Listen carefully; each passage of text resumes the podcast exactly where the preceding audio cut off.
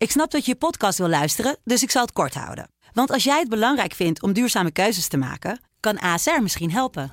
Nou hoor ik je denken, hoe dan?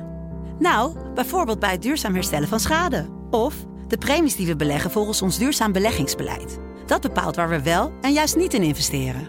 Wil je meer weten over welke duurzame keuzes ASR maakt? Ga dan naar asr.nl slash duurzame keuzes. ASR doet het. Zo, dan kan je nu lekker naar je podcast luisteren. Dit is de politieke podcast van de Telegraaf. Zijn hier nog kwetsbaren in de zaal? Nou, ik dacht het niet. Ik ga gewoon met een hele directe ga ik naar Lientje. Dan moet ik helemaal aan wennen als jij cynisch Ja. wordt. Normaal ben Ja. ik dat altijd. Nee. Afhameren met Wouter de Winter en Pim CD. Politiek commentator Wouter de Winter. Een hele goede donderdag namiddag. Dag meneer de presentator Pim Ja. CD. Eh, eerst even aan de luisteraars. We nemen dit eh, nu op de donderdag, Donderdag. op. We zetten het gewoon wel op de vrijdag online, maar door ja, omstandigheden, eh, werk, Werk, privé, werk, voor mij. werk gaat voor plezier. Dus ik Ehm, moet eh, morgen weg. Zo is het. Ja, daar kunnen we nog niks over zeggen. Hè, Nou, ik. we moeten. Ik, ga, ja, nee. nee. Maar het nee. is niet heel. Het Het is, niet heel spectaculair, maar het, is, ook zo. eh, Ik, ik kan er gewoon niet zijn. Dus dan. Nee, Maar, Ja. en dan daarna ook weer op pad. Dat kun je wel vertellen. Dat kan ik wel vertellen, want ik moet. eh, nou ja, moet. Ja, ja, moet. Het is werk natuurlijk. Maar het is natuurlijk ook. Ja. Zeg maar weer wat anders Heb dan. je van je werk je hobby gemaakt? Nou, dat zou ik niet willen zeggen. Hoewel, niet dit deel van mijn werk dan. Want dat is echt niet mijn hobby. Dat is eh, het staatsbezoek van zijn majesteit Ja. en Hare Majesteit de Koningin aan Oostenrijk. Dus dat is onderdeel natuurlijk ook van onze regering, hè, de koning. Dus het is ook interessant om, om te kijken hoe eh, ja, hij ons, eh, ons land vertegenwoordigt in het buitenland. En ehm, dan leer je ook toch een beetje iets van hem en van zijn vrouw eh, ook kennen in een, ja, Ja. hun gedragingen. Die dan ook weer van pas kan komen als er weer wat in Nederland Ja, aan relevants gebeurt rond het Koningshuis. ja, ja. Ehm, maar eh, eerst dus even een andere eh, trip en dan dit weekend naar, naar Wenen. Nou, dan zijn ze drie dagen, wat wel aan de lange kant is overigens. Hè? Luxemburg hebben we in twee dagen gedaan. En nou, Groot-Brittannië was 36 uur geloof ik. Dat was nog minder. Oostenrijk, ehm, ja. Wenen, de stad van ja ik, Mozart. dat dacht je, maar er zit weinig Mozart aan. Er zit veel Van Gogh in. Omdat Van Gogh, ehm, eh, ja, gaat een tentoonstelling daar. En er zitten allemaal, allemaal programma-onderdelen die dan ook, ook de, de contraprestatie. Dus de, het, het optreden van het koor in dit geval voor eh, dan de Duitse eh, bondspresident, wat de koning dan aanbiedt, heeft te maken met Van Gogh. En ik, ik had stiekem eigenlijk gehoopt dat Salzburg, want Salzburg is de stad van Mozart, Ja, het Salzburger land, Ja. waar toch held van Nederland eh, graag op skivakantie gaat. en ik, ik ben daar ook wel geweest veel vroeger.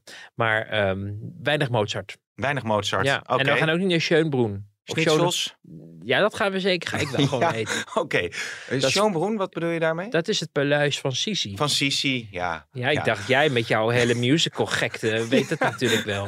Ik werd er net nog eh, op aangesproken door de redactie. Ben je nou naar Aladdin geweest? Maar laten we daar maar Oh, over ophouden, oh. Ik ben er leuk helemaal dat- klaar Toen mee. zei je leuk dat je luistert. Ja, nee, Ja. precies. Goed, de redactievergadering hebben we ook keurig voorafgaand aan deze podcast gehad. We, we bouwen hem wel. op met eh, nog even een, een terugblik op het eh, congres van D66. Ja.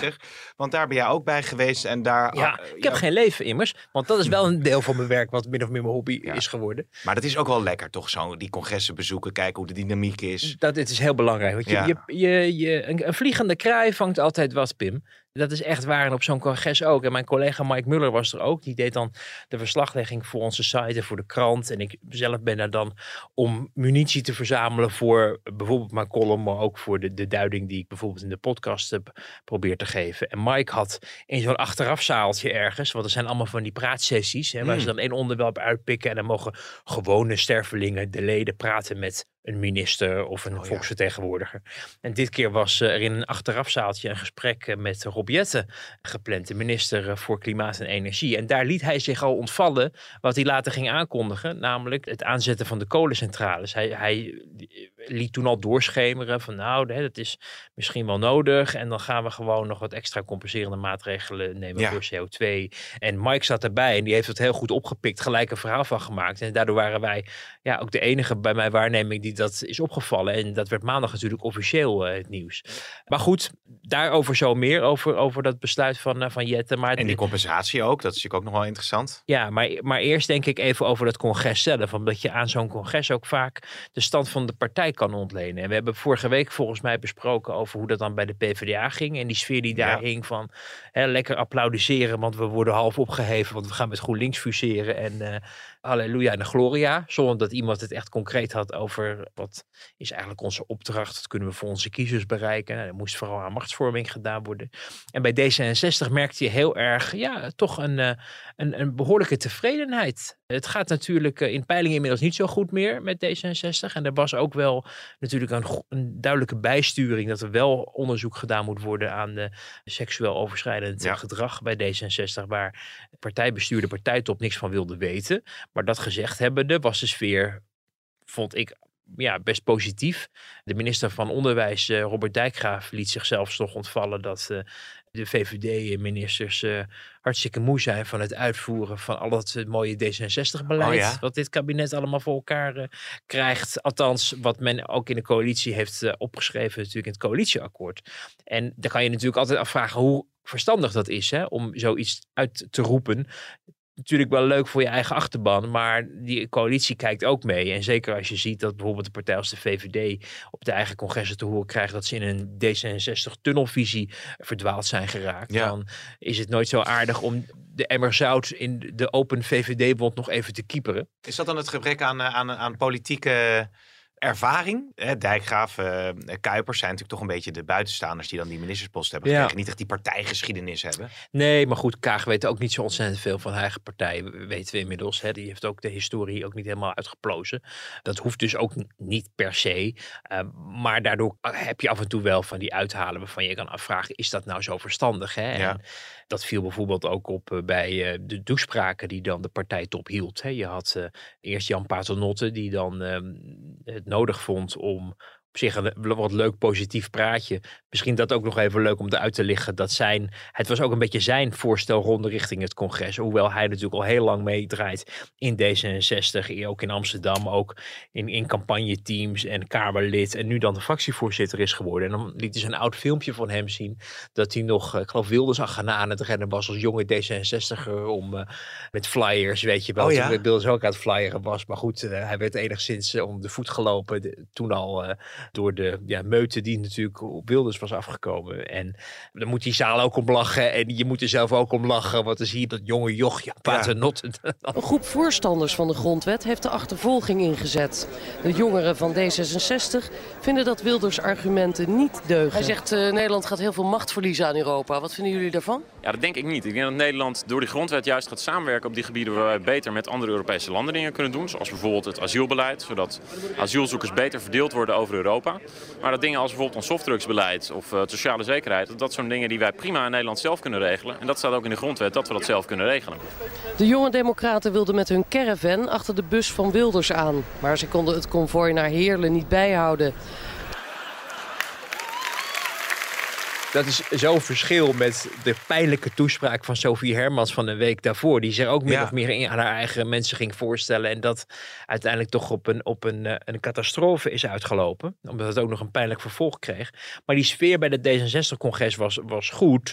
Maar ook Paternotte, ook een beetje, hè, toch de zoon van Pechtold wordt die genoemd. Die dan in zo'n toespraak het niet kan nalaten om nog even het hebben over pruttelende provincies bijvoorbeeld. Waarmee je eigenlijk ja, ook rond die hele stikstofdiscussie toch een beetje een kat uitdeelt naar juist die eh, politiek-bestuurlijke afdelingen waar je op moet vertrouwen om dat hele stikstofplan straks door eh, ja, uitgevoerd te krijgen. Ja. Dus dan zie je toch weer die plaagstoten. Maar wat zegt dat dan dat ze het over pruttelende provincies hebben? Terwijl natuurlijk eh, ja, over het stikstofbeleid er echt iets aan de hand is. Het CDA, VVD worstelen ermee. En als je pruttelende provincies zegt, dan lijkt het een beetje alsof je zegt, ach, Nou ja, en het is nogal kortzichtig, omdat als je in je toespraak het hebt over samenwerken en het belang van samenwerken en hoe het belangrijk is om dingen voor elkaar te krijgen in Nederland, waar D66 natuurlijk ook in de Pechteltijd al heel erg zijn best voor heeft gedaan, hè, met hervormingen. Zij maakten het mogelijk min of meer dat de, de hervormingsvoorstellen van het VVD-PVDA-kabinet door het parlement kwamen. Dus Ja. dat konden ze toen ook trots op zijn. Daar hebben ze ook electoraal op gecashed. En dat willen ze ook nog steeds graag uitstralen. Alleen nu is het de bedoeling dat richting wordt gegeven vanuit Den Haag op het stikstofdossier. En dat tegelijkertijd de provincies en provinciebestuur ook de verantwoordelijkheid nemen om dat uit te gaan voeren. En om ook uiteindelijk ook tegen die landbouwbedrijven te zeggen wat er moet worden gedaan. Of er moet worden gesloten. Of dat het hele roer om moet. En mensen hun bedrijfsvoering moeten veranderen, krimpen, et cetera. Of inderdaad dan uiteindelijk uitgekocht eh, kunnen worden. Dat eh, levert heel veel weerstand ook op in provinciebesturen. Ook onder provinciale statenleden. Die de aanstaande provinciale statenverkiezingen van volgend jaar natuurlijk aanzien komen. Mhm. En wat je doet met zo'n toespraak is eigenlijk van nou ja... Hè, wij hebben het ongeveer wel bedacht hoe het, ga, hoe het moet. En uh, zij moeten het vooral even uitvoeren. En dat verdient kennelijk ook niet zoveel respect of inlevingsvermogen. Waarmee je ook wel de, kloof ook ziet tussen uh, de, de, de stad, uh, wat D66 toch echt, echt wel een stadspartij is, en het platteland en de moeilijkheden en de dilemma's waar ook regionale bestuurders nu voor staan. Ja, precies. Ja, dat is wel, wel interessant dat ze dat op die manier mm, uitspreken. Gaat ze dat nog opbreken? Nou ja, ze zakken terug in de peilingen of misschien wel in het land. Ja, nou, dat, dat, dat, ze op stikstof zullen ze denk ik geen zetels verliezen. Omdat D66 daar niet... Uh, ze wilden het halveren van de veestapel. En de reden waarom D66 succesvol is geweest bij de afgelopen Tweede Kamerverkiezingen was omdat zij op klimaatcampagne voerden en een alternatief links geluid lieten horen voor de zittende meute PvdA GroenLinks. Hè, die, waar iedereen wel van wist ongeveer wat dat dat niet zoveel voortbracht. En dat Kaag als nieuwe verschijning ook inspirerend, ook vrouwelijk leiderschap speelt daarbij een rol, maar ook nieuw leiderschap. En daardoor die partijen min of meer, nou niet helemaal wist leeg te eten, maar in ieder geval klein wist te, maken of uh, klein wist te houden.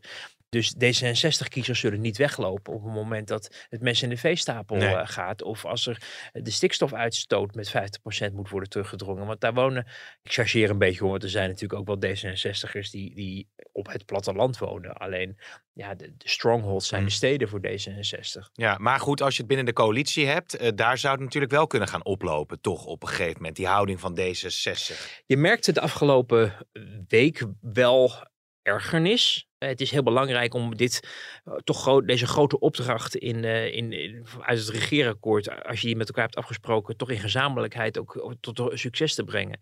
En je merkt als coalitiegenoot van hè, als D66, als het goed is, dat het bij de VVD en het CDA heel zwaar ligt, moeilijk ligt. Ook de ChristenUnie verzet zich er natuurlijk tegen. En als jij dan nou ja, Buitenhof bijvoorbeeld gaat zitten, detitieert te groot en zegt van er is geen enkele andere mogelijkheid, het moet gewoon gebeuren dan gaat er in ieder geval weinig compassie van uit.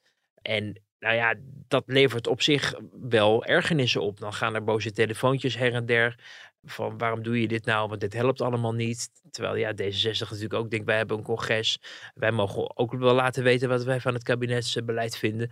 Maar het is heel belangrijk om als, als, je, als je erover eens bent, en dat zeggen ze te zijn, dat je die bepaalde doelen voor die stikstofuitstoot moet halen, dat je dan elkaar ook wel heel laat. En je kan leuk opkomen voor Sophie Hermans als die onder vuur wordt genomen.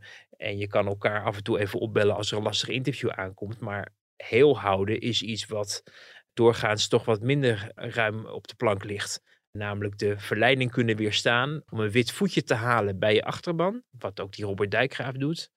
Of dat je even je mond houdt omdat je denkt, wij krijgen onze zin wel. De bal komt uiteindelijk toch wel naar ons toe. Ja. We hoeven daar niet zoveel voor te doen. En dus even je mond te houden om niet het, je andere partners die het uiteindelijk wel met je eens zijn dat dit moet gebeuren, maar om het niet voor hen bijna onmogelijk te maken om iets voor elkaar te krijgen. Want als je van de boerenpartij CDA, en ik denk dat daar nog echt de grootste problemen zitten in de achterban. Als je van hen vraagt het onmogelijke bijna, dat wordt toch eigenlijk wel gevraagd met die historie van die partij. Dat je dan ehm, niet even denkt van nou, uh, ik, moet, ik moet Dirk Boswijk en Pieter Heerma en Wopke Hoekstra, die volgens mij ook achter de schermen zich helemaal gek beeld met allemaal lokale en regionale CDA'ers.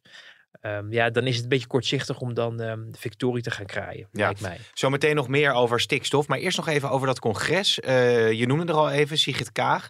Zij had een toespraak waar jij een fragment uit wilde laten horen. Ja, dat was wel zo'n moment dat ik dacht van dit, dit, is een partij die op zich wel tevreden is met de manier waarop het gaat. Um, die de partijleider ook wel weer zijn leden is natuurlijk wat anders dan kiezers, maar de partijleider hield daar een verhaal, wat volgens mij een prima verhaal was, wat enige elementen ook kreeg van het feit dat ze in de regering zitten en weer, en dat ze ook moeilijke besluiten moeten nemen, mensen niet, uh, ja, mensen ook het eerlijke verhaal uh, wil vertellen. Dat is niet altijd één groot feest, want de inflatie is hoog en de schatkist is behoorlijk leeg inmiddels. Maar wel een ander verhaal dan bijvoorbeeld de HJ-schoollezing. Toen het nog. Uh, dat, ik vroeg me heel erg af van wordt het nou weer een grote oh God, ja. uh, nou ja, zelfbevlek is niet het goede woord, maar wordt het een grote confrontatie? Of wordt het een, een, een, ja, meer een verhaal van een, van een staatsvrouw of zo? Van iemand die verantwoordelijkheid hmm. neemt. En die verantwoordelijkheid die nam Kaag ook wel, denk ik. Maar er was wel één element wat mij opviel, namelijk dat er werd gezegd: um, de inflatie is hoog, de uitdagingen zijn groot en we kunnen niet iedereen als overheid redden. We kunnen niet alles voor iedereen compenseren. Dat we allemaal armer worden, een beetje hoop ik, niet te veel, is het gevolg van omstandigheden waar we beperkt invloed op hebben. Dit is een serieus en eerlijk verhaal. En de overheid kan en moet dienen als schild voor de kwetsbaren. Maar voor anderen zal er minder bescherming zijn.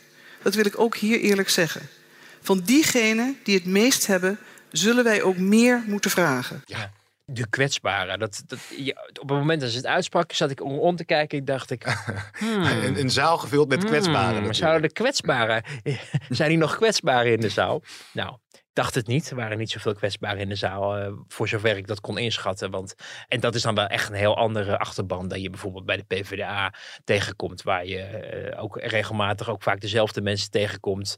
Waarvan je weet dat ze het niet breed hebben. En, en um, dat ook soms met je delen. En die ook met de zaal delen. En ja, het is D66 is toch wel echt een andere partij. Opgebouwd andere mensen. Dus ik, het was een verhaal waarin waarvan ik me niet helemaal goed kon voorstellen dat daar nou de eigen achterban werd gewaarschuwd voor de meest verschrikkelijke dingen. Nee. En daarom viel het me op. Ik dacht wel bij mezelf van, um, ja, voor wie vertel je dit nou eigenlijk?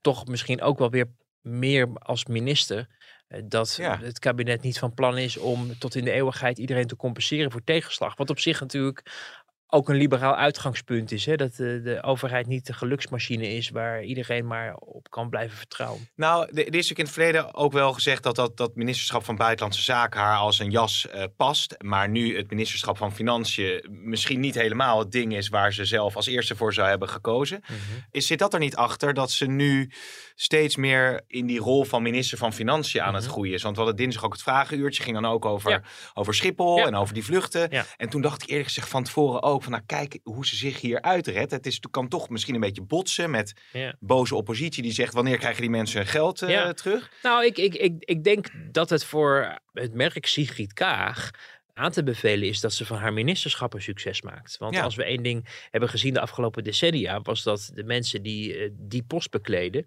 eigenlijk, wil niet zeggen vanzelf, maar al heel snel ja, toch waardering krijgen van de kiezer. Blijkt uit opiniepeilingen, worden populair. Jan Kees de Jager, zelfs Jeroen Dijsselbloem, Bobke Hoekstra, Gerrit Salm natuurlijk daarvoor. Als mensen die te vertrouwen zijn, dat ze op het geld passen. En uh, zuinigjes aandoen, want dat is maar goed ook, want het is immers ons belastinggeld. En dat is een vrij onomstreden rol eigenlijk, omdat je je bijna boven de partijen kan kan zetten. En mensen zijn gek op politici die boven de partijen echt kunnen staan. Kijk maar naar burgemeesters. Het is zelden dat een burgemeester impopulair is. Omdat uiteindelijk, of het nou Halsema is, of Dijksma, of Abu Taleb, of Marcouch. Het zijn mensen die zich uiteindelijk, zeker als ze er langer zitten, een beetje hun eigen merk en hun eigen positie weten te verwerven. Waardoor ze uh, ook uit het politieke gekrakeel kunnen ontstijgen. En hetzelfde geldt in principe ook voor een minister van Financiën. En als je ziet dat het met het nieuwe leiderschap en alles wat er ook rond ongewenste gedrag bij D66 natuurlijk heeft gespeeld de afgelopen tijd, maar ook de toch ja, de deconfituren van het belofte van het nieuwe leiderschap van als ik aan de macht kom, dan gaan we het allemaal anders doen. Terwijl je dus zag dat dat hmm. uiteindelijk wel meeviel. Dan is het heel, denk ik, ja, nuttig voor de partijleider om dan te laten zien dat het iemand is die op die plek goed thuis is en goed op, op de centen past. Daar was in het begin ook zeker twijfel over. Want inderdaad, zoals je zegt, buitenlandse zaken zat haar als een jas En financiën, daar zag je dat ze zelf soms ook niet helemaal wist wat nou verstandig was of belangrijk om te benadrukken of te zeggen. En dat kost soms ook tijd. Uh, met is een slimme vrouw. Dus zij, zij krijgt die materie ook prima onder de knie als ze dat wil. Ja. Of ze zich er ook echt met passie er echt voor gaat, dat is een tweede. Dat hoeft namelijk niet hetzelfde te zijn. Werk is immers werk. Ja. En niet als een hobby. Zo. dus ook niet voor haar natuurlijk. Zo is het. Eh, iemand eh, eh, die vol gaat voor het klimaatministerschap is in elk geval Rob Jetten. Je zei al eerder dat Mike Muller dus had ontdekt dat die kolencentrales langer op volle kracht blijven draaien. We hadden op de voorpagina van de Telegraaf de foto waarin Jetten natuurlijk vol trots verkondigde als klimaatrammer dat die kolencentrale in Amsterdam nou eindelijk dichtging. Ja. Die vraag werd hem natuurlijk ook gesteld bij de persconferentie van ja, hoe kijkt die minister daar dan tegenaan? Toen zei hij het volgende. Nog steeds geldt dat uh, per 2030 uh, kolenproductie in Nederland uh, helemaal verboden is. Um, en ik vind dat ik nu ook echt in een situatie van oorlog als minister van Energie moet zorgen voor die leveringszekerheid. Maar ik zal er ook als minister voor Klimaat voor zorgen dat we dus dit jaar aanvullende maatregelen treffen om het halen van die klimaatdoelen niet uit het oog te verliezen. Dat ben ik ook verplicht aan alle toekomstige generaties die die schone aarde doorgegeven willen krijgen. Ja, nou ja, dat, ik zag dat Ronald Plasterk in zijn column had geschreven. Die heb ik natuurlijk al gelezen, terwijl hij op het moment dat we dit trekken is hij nog niet gepubliceerd. Maar om mensen, dat mensen dit horen. Oh, dit is wel een vervelende. Op het moment dat mensen dit horen, dan, dan is hij al gepubliceerd. Dus daarom kan ik erover vertellen. Ja. Maar dat, dat Jette voor Joker stond. En dat is natuurlijk ook zo. Want als je zelf de boer op gaat met een, met een verhaal van... kijk, mij is de hemel bestormen en, de, en die boel dichtgooien. Even nog helemaal vergetend ook dat er ook allemaal mensen werken en de gezinnen uh, daar hun, hun uh, ja, het brood voor hen verdiend wordt daar. Voor mensen die werken in dat soort centrales. Die bedoeld zijn om ons van energie te voorzien. En daar maak je echt een groot campagne-thema van. En je zit op het plus als minister. En je moet bekennen dat ook jij niet de grote verwachtingen zelf kan waarmaken. Waar je al die jaren andere mensen. En ook nog zelfs als je minister bent de maat over hebt genomen. Mm. Hè? Want het, het lag altijd aan de mensen die op dat moment aan de knoppen zaten de klimaatstaatssecretaris of de klimaatminister. En ook zelfs toen hij nog al minister was en de cijfers de verwachtingen vielen tegen, dan werd er nog gezegd, ja, we hebben de vorige kabinet heeft te weinig gedaan. Of het kabinet daarvoor. Of tien jaar geleden hadden we zus en zo moeten doen. Allemaal steeds met de kennis van nu hadden we, hebben zij het allemaal verkeerd aangepakt. En dat is natuurlijk heel makkelijk. Maar uiteindelijk ben je als minister ook staatsrechtelijk verantwoordelijk voor alle fouten van je voorgangers. Dus het, het kan ook niet zo zijn dat je als minister de hele tijd maar, maar verwijst naar ja, mijn voorganger heeft dit er een puinhoop van gemaakt. En dat is niet goed gegaan en zus en zo. Natuurlijk zijn er lijken in de kast. Maar de continuïteit van ja, ons, ons staatsbestel schrijft wel voor dat de verantwoordelijkheid ook genomen wordt en niet het wordt afgeschoven op andere mensen. En dat zag je bij Jette rond het klimaatbeleid al voor, maar ook zelfs toen hij minister was gebeuren. En ook deze week was dat ook weer een, een, een verwijt hè, van we hebben tien jaar zitten slapen of zo. Ja. Um, kijk, ook die voorgangers van Jette zijn natuurlijk in situaties terechtgekomen die het onmogelijk soms maakten om dingen voor elkaar te krijgen. Natuurlijk zaten er ook politieke uh, prioriteitsstelling tussen, waardoor misschien harder had kunnen worden ingegrepen, terwijl dat niet gebeurd is. Tegelijkertijd hadden ook de voorgangers van Jette met politieke realiteiten te maken, zoals hij dat nu ook heeft. Hij heeft te maken met een mondiale realiteit. Hè? Het is de schuld van Poetin en uh, ja, we kunnen niet anders. In het verleden was er, tien jaar geleden, was er een grote economische crisis en stond het tweede kabinet Rutte voor een enorme opgave om te snijden in de overheidsuitgaven, om ook maar weer aan bijvoorbeeld Europese regels uh, te voldoen, waardoor er ook helemaal geen geld beschikbaar was om uit te geven, maar er moest alleen maar bezuinigd worden. Ja. Dus hoe je ooit een energietransitie had kunnen vormgeven, terwijl je geen geld in de zak had en dus had, van mensen had verlangd die het dus al niet zo breed hadden vanwege het feit dat de crisis en overal bezuinigd werd, ook nog eens die energietransitie te omarmen en, en daarvoor te gaan. Dat had ook niet gewerkt. Dus het is heel makkelijk om te zeggen, mijn voorgangers, daar lag het allemaal aan en ik doe het nu wel goed. En dan zie je dus dat ook hij te maken krijgt met de realiteit die al heel snel weer lijkt op de door hem vervoerde uh, slogan uh, dat het, de energietransitie haalbaar en betaalbaar moet zijn. En haalbaar en betaalbaar is een soort scheldterm geworden, terwijl mm -hmm. volgens mij een hele logische uitleg is, namelijk maatregelen die je als kabinet voorstelt die niet haalbaar zijn en onbetaalbaar. Ja, dan ben je toch eigenlijk geen knip voor de neus waard als Nee. regering of als Tweede Kamer als je dat goedkeurt. Want je kan van mensen niet het onmogelijke vragen. En je kan ook niet van ze vragen dat ze niet kunnen betalen. Dus Ja. dat uitgangspunt is prima. Hij wil daar dan, hè, het moet allemaal extra en meer en meer. Maar je ziet nu dat het dus niet haalbaar blijkt om die kolencentrales uit te stellen. Vanwege een omstandigheid die hij zeker ook niet zelf veroorzaakt heeft. Maar waar, waar hij wel mee moet dealen. En dan hoor je inderdaad de vergoelijkende woorden van... oh, ehm, ik ben het aan, mijn, aan toekomstige generaties verplicht... om alles in te zetten om in 2030 het allemaal wel te doen. Dan denk ik, ja, die hebben we inderdaad van zijn voorgangers ook gehoord. Dus dat is op zich een beetje een déjà écouté, zullen we maar zeggen. En ten tweede, de uitstoot van kolencentrales. Het wordt nu ook gedaan alsof het een soort tijdelijk fenomeen is.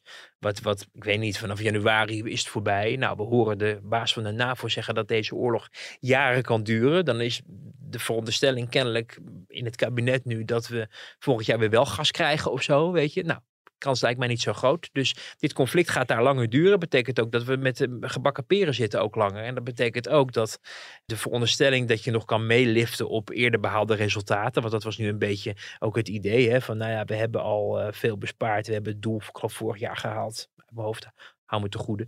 Eh, en daardoor kunnen we nu wel wat hebben we een soort buffer of zo opgebouwd. Ja, die buffer kan natuurlijk in de komende tijd weer verdwijnen. Ja. En dan eh, wordt er al in de coalitie, ligt al een plan op tafel om om drie uur s'nachts uh, 100 te gaan rijden. ja, dat wilde ik nou vragen. Waar Ja. niemand rijdt. Maar dat, ook dat zal niet de soelaas bieden voor de opgave die je dan goed moet maken. Nee, maar gaat dat wel gebeuren, denk jij?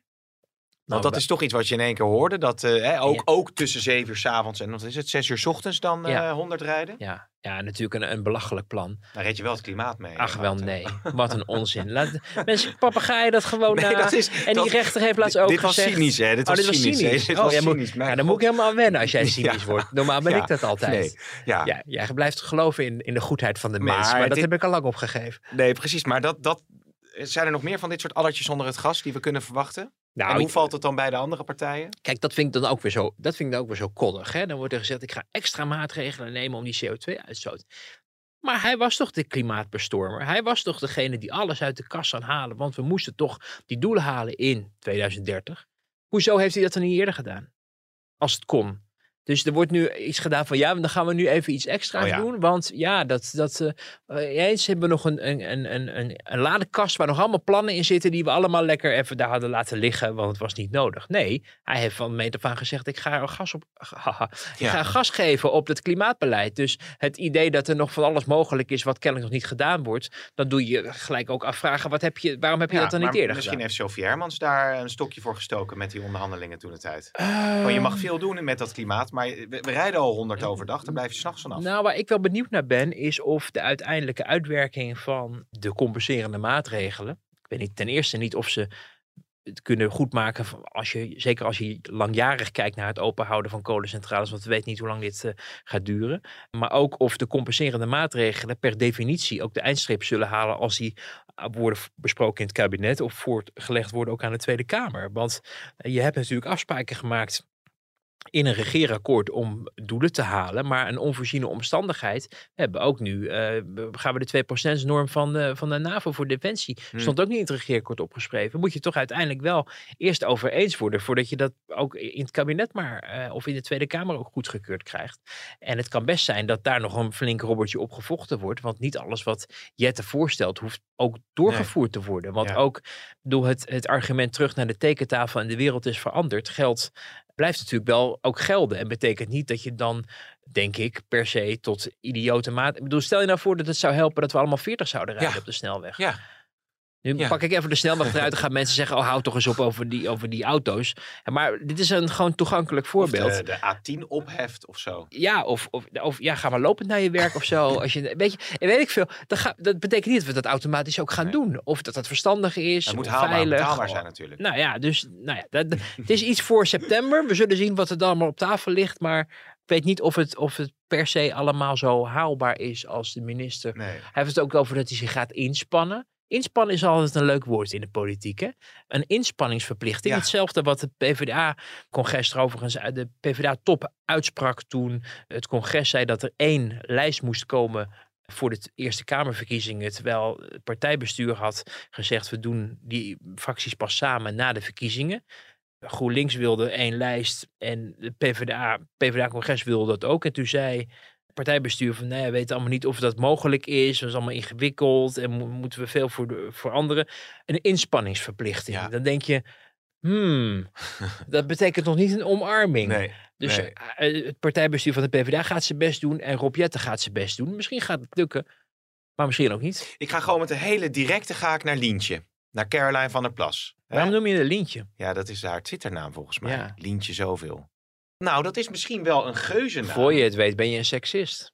Nee, nee, nee, nee, nee. Dat zal toch zo vaart niet, Nou, eh, ik, zo hoor dat, vaart niet ik, ik lopen. hoor dat dat wel eens wordt gezegd voor als bepaalde mensen. Ik had van de week ook weer, had ik, ik zat toevallig bij WNL in de ochtend en toen had ik het gewaagd om het te hebben over het kaartje van Christiane. De stikstof. De stikstofkaart. Ik had de eerst minister genoemd, maar iemand sch- schakelt dan kennelijk eh, halverwege in ja. en heeft het over. eh, ik- en dan dat was Het al genoeg om mij tot, tot seksist te verklaren. Door wie? Op Omdat ik, omdat ik een vrouw bij haar voornaam noemde Echt? en een man had ik het over minister Staghouwer. Echt? Ja. Zat daar wat Ja. achter, Zo snel gaat het al. Ja, Ja. ja, nou goed. Maar daar, daar, daar komen we vast in de toekomst ook nog wel eens over. eh, Misschien over moeten we te gewoon de podcast beginnen ook met een disclaimer. Het alles wat u denkt te horen van Een inspanningsverplichting kunnen wij doen om, eh, om zoveel mogelijk eh, dingen te zeggen waar mensen geen aanstoot Lientje. aan Laten we het gewoon Lientje. Lientje hebben. Nou, eh, vandaag was natuurlijk het stikstofdebat en de oppositie, coalitie, alles verzamelde zich rondom Caroline van der Plas. Anderhalf uur of zoiets is ze denk ik eh, ja. aan het woord geweest. Dat was wel opvallend hè, voor een eh, partij Ja. met eh, een beweging met één zetel. Nou, dat, daar, daar zie je gewoon de, ja, ik, ik, toch eigenlijk ook wel de angst. De angst voor komende statenverkiezingen, de frustratie voor het feit dat de coalitie een opgave doet die pijn doet. En die ook bepaalde partijen hard zal raken, ook al hebben ze zelf voor getekend al in het najaar. Dat vergeten we nog allemaal wel. Het lijkt nu net alsof het kabinet met iets komt wat uit de lucht Ja. komt vallen. Maar de handtekening van het CDA, de ChristenUnie en de VVD stond al in december eronder. En je ziet dat de populariteit van haar natuurlijk, van Caroline van der Plas en haar BBB, natuurlijk eh, behoorlijk stijgt. En dat ze ook naar manifestaties gaat en ongeveer de heldin komt uithangen. Ook omdat haar partijnaam natuurlijk ook het woord boer bevat. Wat natuurlijk heel prettig is. Want dan kunnen mensen die zich daar storen aan de manier waarop het kabinet nu met het stikstofprobleem omgaat en de boeren, dat ze zich ook gelijk thuis voelen bij een partij die daar zegt voor te strijden. Dus je zag dat de ene na de andere coalitiepoliticus vooral zich ook verdrong om de interruptiemicrofoon vandaag in het debat om, om haar de maat te nemen. En dan zag je ook, waardoor de discussie in de Kamer, en het duurde ook allemaal weer veel te lang, en Vera Bergkamp, de voorzitter, laat de interrupties ook weer tot in de pruimentijd, dat is het bonuswoord van de week, de Oh, pruimentijd, Ja, weer duren, waardoor er alle snelheid en scherpte uit zo'n debat ook verdwijnt. Maar de enorme interrupties, eh, geen vaart erin, maar ook het uitgangspunt van waar je over debatteert gewoon verschilt. Want waar PVV en Van Haga en Forum voor Democratie en Caroline van der Plas en zelfs ook wel de SGP, die in de coalitie dus staatkundig gereformeerde populisten werden genoemd, in plaats van staatkundig Ja. gereformeerde partij, zich aansloot bij een, een of min of meer erover eens was dat het probleem wat er lag, niet per se eh, hoefde te worden opgelost met eh, deze ingreep. En dat het ook nog kon door bijvoorbeeld terug te gaan naar Brussel. Of dat je zegt het is onrechtvaardig, want in Duitsland is niks aan de hand. Of wat wel volgens mij een, een heikel punt is, is dat er op zo'n kaartje percentages op gebieden worden geplakt waar niet eens landbouw plaatsvindt. Dat je afvraagt, ja, hoe kan dat dan? Dus daar is wel denk ik een punt, daar is ook wel het en ander over gewisseld. Misschien zo even over hebben. Maar dat, dat het uitgangspunt van we moeten heel hard ingrijpen. Wat vooral door de linkse partijen wordt nagestreefd. Dus D66, GroenLinks, ook PvdA, de Dierenpartij. Niet de SP overigens, want die zijn er tegen. Eh, de, de rechtsere of populistische partijen die zeggen allemaal onzin. We gaan, moeten gewoon doorgaan en span nog maar eens een procedure aan eh, in, in Brussel. En Caroline van der Plas die zegt ja, al die rapporten, ja, en dan heb je zo D66 wat dan zegt van ja, maar dat is toch wetenschap. En dan, dan zeg je ja, maar er zijn ook andere mensen die weer wat anders vinden. Ja. En dan heb je die groep toch in, in het midden, waar D66 ja, ook met één poot in staat, maar ook weer naar links helpt. Maar VVD, CDA, die zich hebben neergelegd. En ChristenUnie bij dat er moet worden ingegrepen. Maar wel eh, ja, aan de scherpe kantjes toch wel proberen het een en ander weg te veilen. Ja. Ja, en dan is die kaart ook belangrijk, hè? Want Ja. dat is wel een punt waar ruimte ligt, wellicht. Ja, De ja kaart van Christiane. de kaart van Christiane. En het, het bijzondere daarbij is overigens wel dat eh, die kaart dus ook nog veranderd is. Hè? Ook in die laatste week nog is de kaart van kleur verschoten. Dus donkerrode gebieden werden lichtrood, groen werd, werd oranje en, en lichtgroen werd paars en blauw. En eh, alles ging door elkaar. Percentages veranderden ook, waardoor je het idee kreeg. Wij mm, ja, hadden toevallig ook zo'n kaartje op een gegeven moment in handen hoe het er eerst uitzag. Dat er in één week dus nog kennelijk het een en ander kan veranderen. Waardoor je je kan afvragen in hoeverre is de kaart die dan in die brief staat. En wat het dan zou moeten worden. Ook al zegt Van der Wal inmiddels dat het een richtinggevende kaart is. Maar door de sector als, als dictaat werd opgevat. Ja, als het in één week al mogelijk is om nog dingen te schrappen of te schrapen.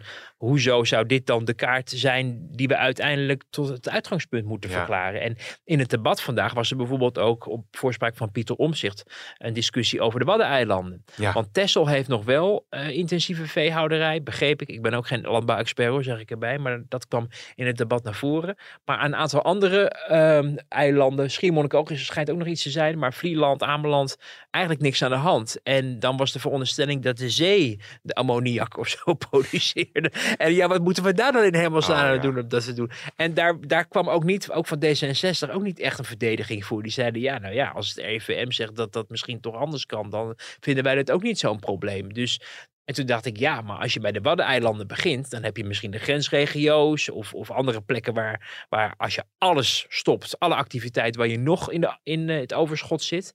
Ik bedoel, wat verwacht je dan precies? Ja. En van wie verwacht je wat? Maar het gaat uiteindelijk over mensen. Dat is natuurlijk het ingewikkelde. We zitten over een kaart te praten, maar die boeren die, die, die, zit, die wonen op die plekken. En die Ja. zijn natuurlijk heel angstig hierover. Dus, dus hoe dit dan de komende maanden, totdat uiteindelijk de provincies Nou ja, dit moeten gaan uitvoeren, gaat worden. Dat wordt echt... eh, Dat moeten die provincies doen. En ehm, kijk, we hebben, het nadeel van dat we tot donderdag opnemen is dat we ook niet weten wat er nog precies in het debat wordt gezegd.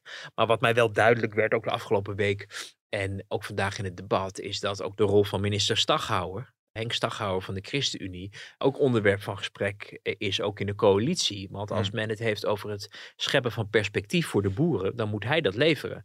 Ja. Van der Wal die zegt dit is wat we, het doel wat we moeten halen en dit is de, het percentage waarmee die stikstofdepositie omlaag moet. ja.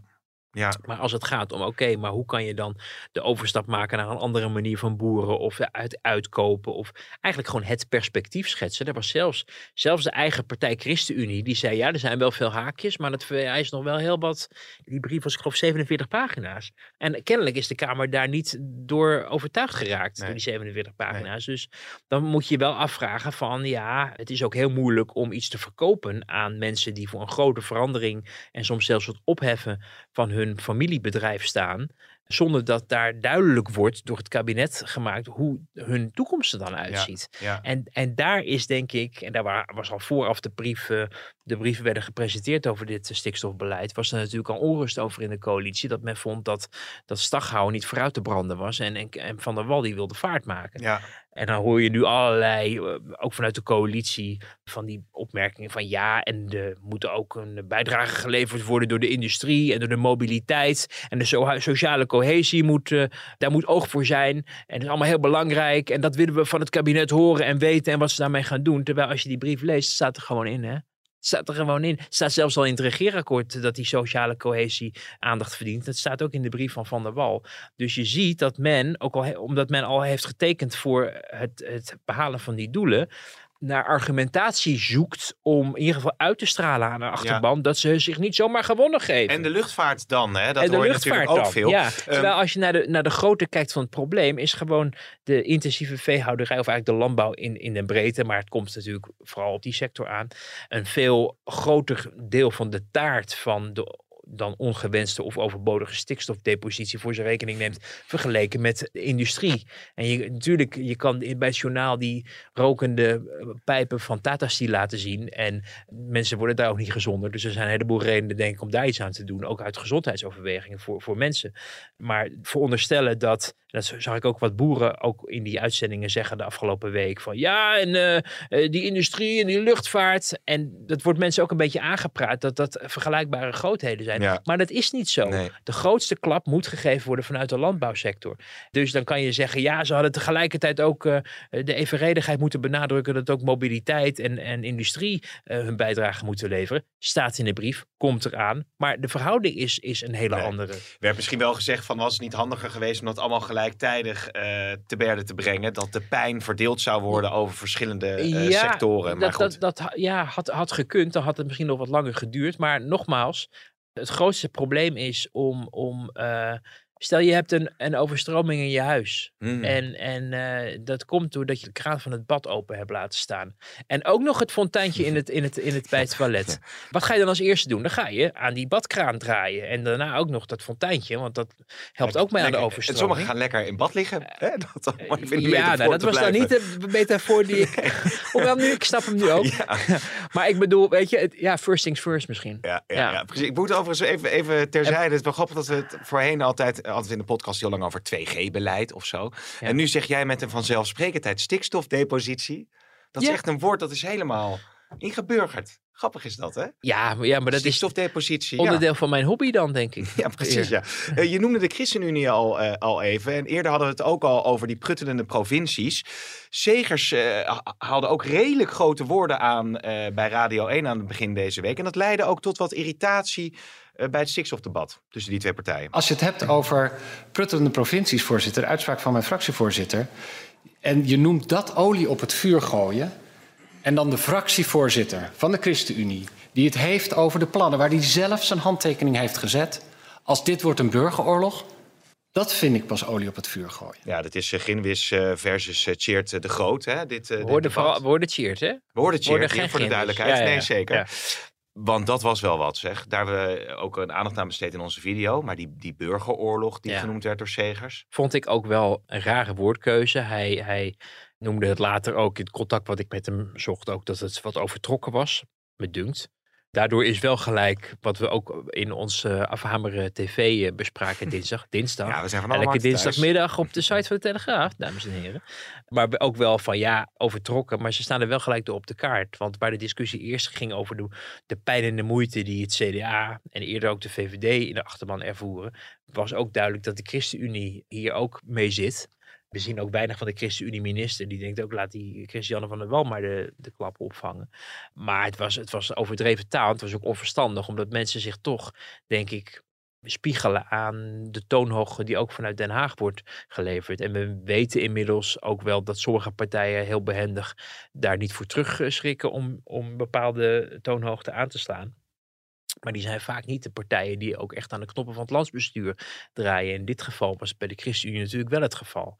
Dus dat was, ik kon me wel voorstellen dat ze bij D66 ook zoiets hebben van ja, uh, hallo, het is in ieder geval een ongepaste term.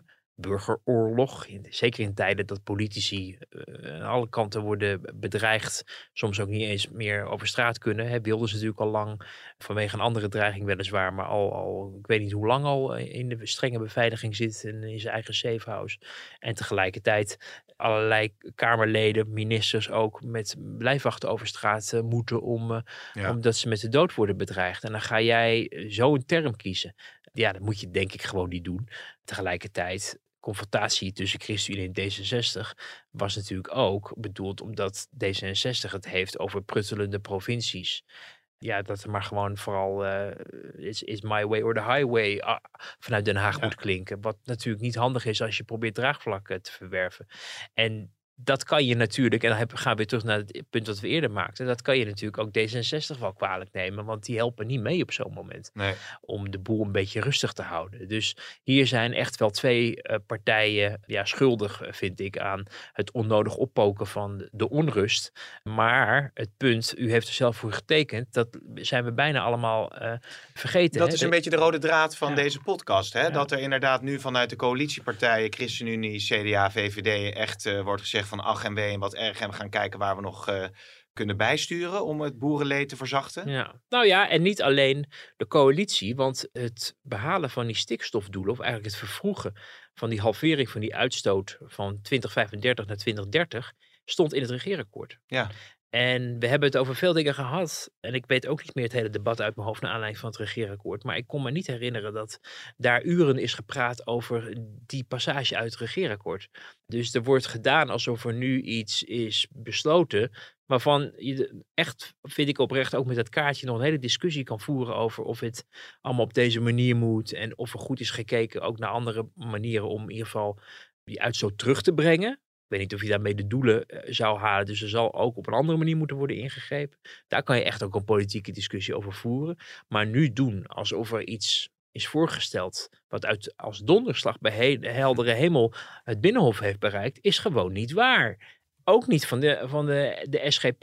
En dan komt een punt aan de orde waar het wat de toonhoogte in het debat verklaart, namelijk dat de verkiezingen aankomen volgend jaar. En dat op het moment dat er besluiten, echt definitieve besluiten worden genomen, ook over de sluiting van bepaalde boerenbedrijven, we daar echt ook in een verkiezingstijd zitten. Dus dat die statenleden uh, ook bijvoorbeeld van de SGP, die doorgaans natuurlijk eh, regeringsbeleid accommodeert. Ze noemden zich vandaag ook niet een oppositiepartij, maar een gouvernementele partij. Wat dus ook impliceert dat zij niet automatisch de kont tegen de krip gooien. En daardoor viel de felle toon van Kamerlid Bisschop van de SGP vandaag ook zo op. Omdat die natuurlijk ook wel zien van ja, die ChristenUnie. Ik wil niet zeggen dat het per se volledig communicerende vaten zijn, maar SGP'ers die twijfelen over de koers, die komen wel eens bij de ChristenUnie uit of omgekeerd. En daar zit natuurlijk ook wel een belang om in ieder geval te laten zien, ook voor de eigen achterban, dat zij een andere koers bepleiten. Hoewel ik niet helemaal helder voor de geest krijg vandaag wat dan die andere koers zou zijn. Nee, uh, Want ze hebben dus al getekend, of niet getekend, maar, maar de wet voor 2035 goedgekeurd. Ja, en dat is uh, ook, verklaart ook wellicht de, de, de scher, als je het hebt over dat verkiezingen eraan komen, de scherpe toon van bijvoorbeeld een klaver richting Caroline van der Plas worden als giftig, hè, file van der Plas weer. Dat iedereen zich nu even wil profileren en duidelijk wil maken waar die staat. Want anders zou Klaver van der Plas misschien ook wat sneller laten. Nou, er zijn, er zijn, ik denk van die coalitie vooral bedoeld om, om te redden wat er te redden valt. Omdat ze zien dat mensen uit de achterban. Overigens moeten we het effect daarvan ook niet altijd over, overschatten hoor. Want het is inderdaad wel dat er ondernemende families uh, in die boerenbedrijf of die sector werkzaam zijn. Die hun vertrouwen aan het CDA of de VVD hadden gegeven. Maar er zijn ook een heleboel mensen die daar niet in werkzaam zijn. En die stemmen ook op die partijen. Dus of de schade uh, maar ja, ze, hebben, ze kunnen zich niet veel verliezen in de Eerste Kamer permitteren. Daardoor is het gevoelig. Voor andere partijen die bijvoorbeeld ter strijde trekken tegen Caroline van der Plas, kan er een concurrentieding zijn, omdat ze ook in de misschien wat meer populistische hoek zitten. Of in het geval van Klaver, omdat de kiezers van Klaver ook een keiharde koers verwachten. Richting bijvoorbeeld normaal gesproken voor, voor democratie of Wilders, maar ook richting eigenlijk de vertegenwoordiger, zoals het dan een beetje bezien wordt, door veel uh, Kamerleden als uh, van, van, ja, van de boeren, zeg maar. En als uh, GroenLinks dat allemaal wil aanpakken en om ook eigen partijpolitieke redenen natuur wil redden en nou ja, groene politiek, klimaatpolitiek wil voeren, dan vinden jouw kiezers het natuurlijk ook heel interessant als jij ja. degene bent die Caroline van der Plas wel eens even de waarheid gaat vertellen. Dus daar zit ook een belang achter van zo'n partij om, om de strijd aan te binden met, met Van der Plas. om ja, misschien ook later in het journaal of in een bevriende krant op te duiken als degene die de scherpe vragen stelde. En zo is de cirkel uh, rond voor deze donderdag, uh, begin van de avond uh, inmiddels. Dus ja, excuses als er nog dingen zijn op donderdagavond laat of vrijdagochtend. Die hoort u dan niet in de podcast die op vrijdag wordt gepubliceerd. Maar, maar wel, we zijn er snel weer. En op de site blijven we natuurlijk altijd alles ook volgen. Ja, en succes met, met je reis naar Oostenrijk, Wouter. dus we zien elkaar Ik zal een Mozart googlen voor je meenemen, ja, omdat, je, omdat je zo van Mozart houdt. Ja, het requiem, schitterend. Oké, okay. ja, okay. dankjewel.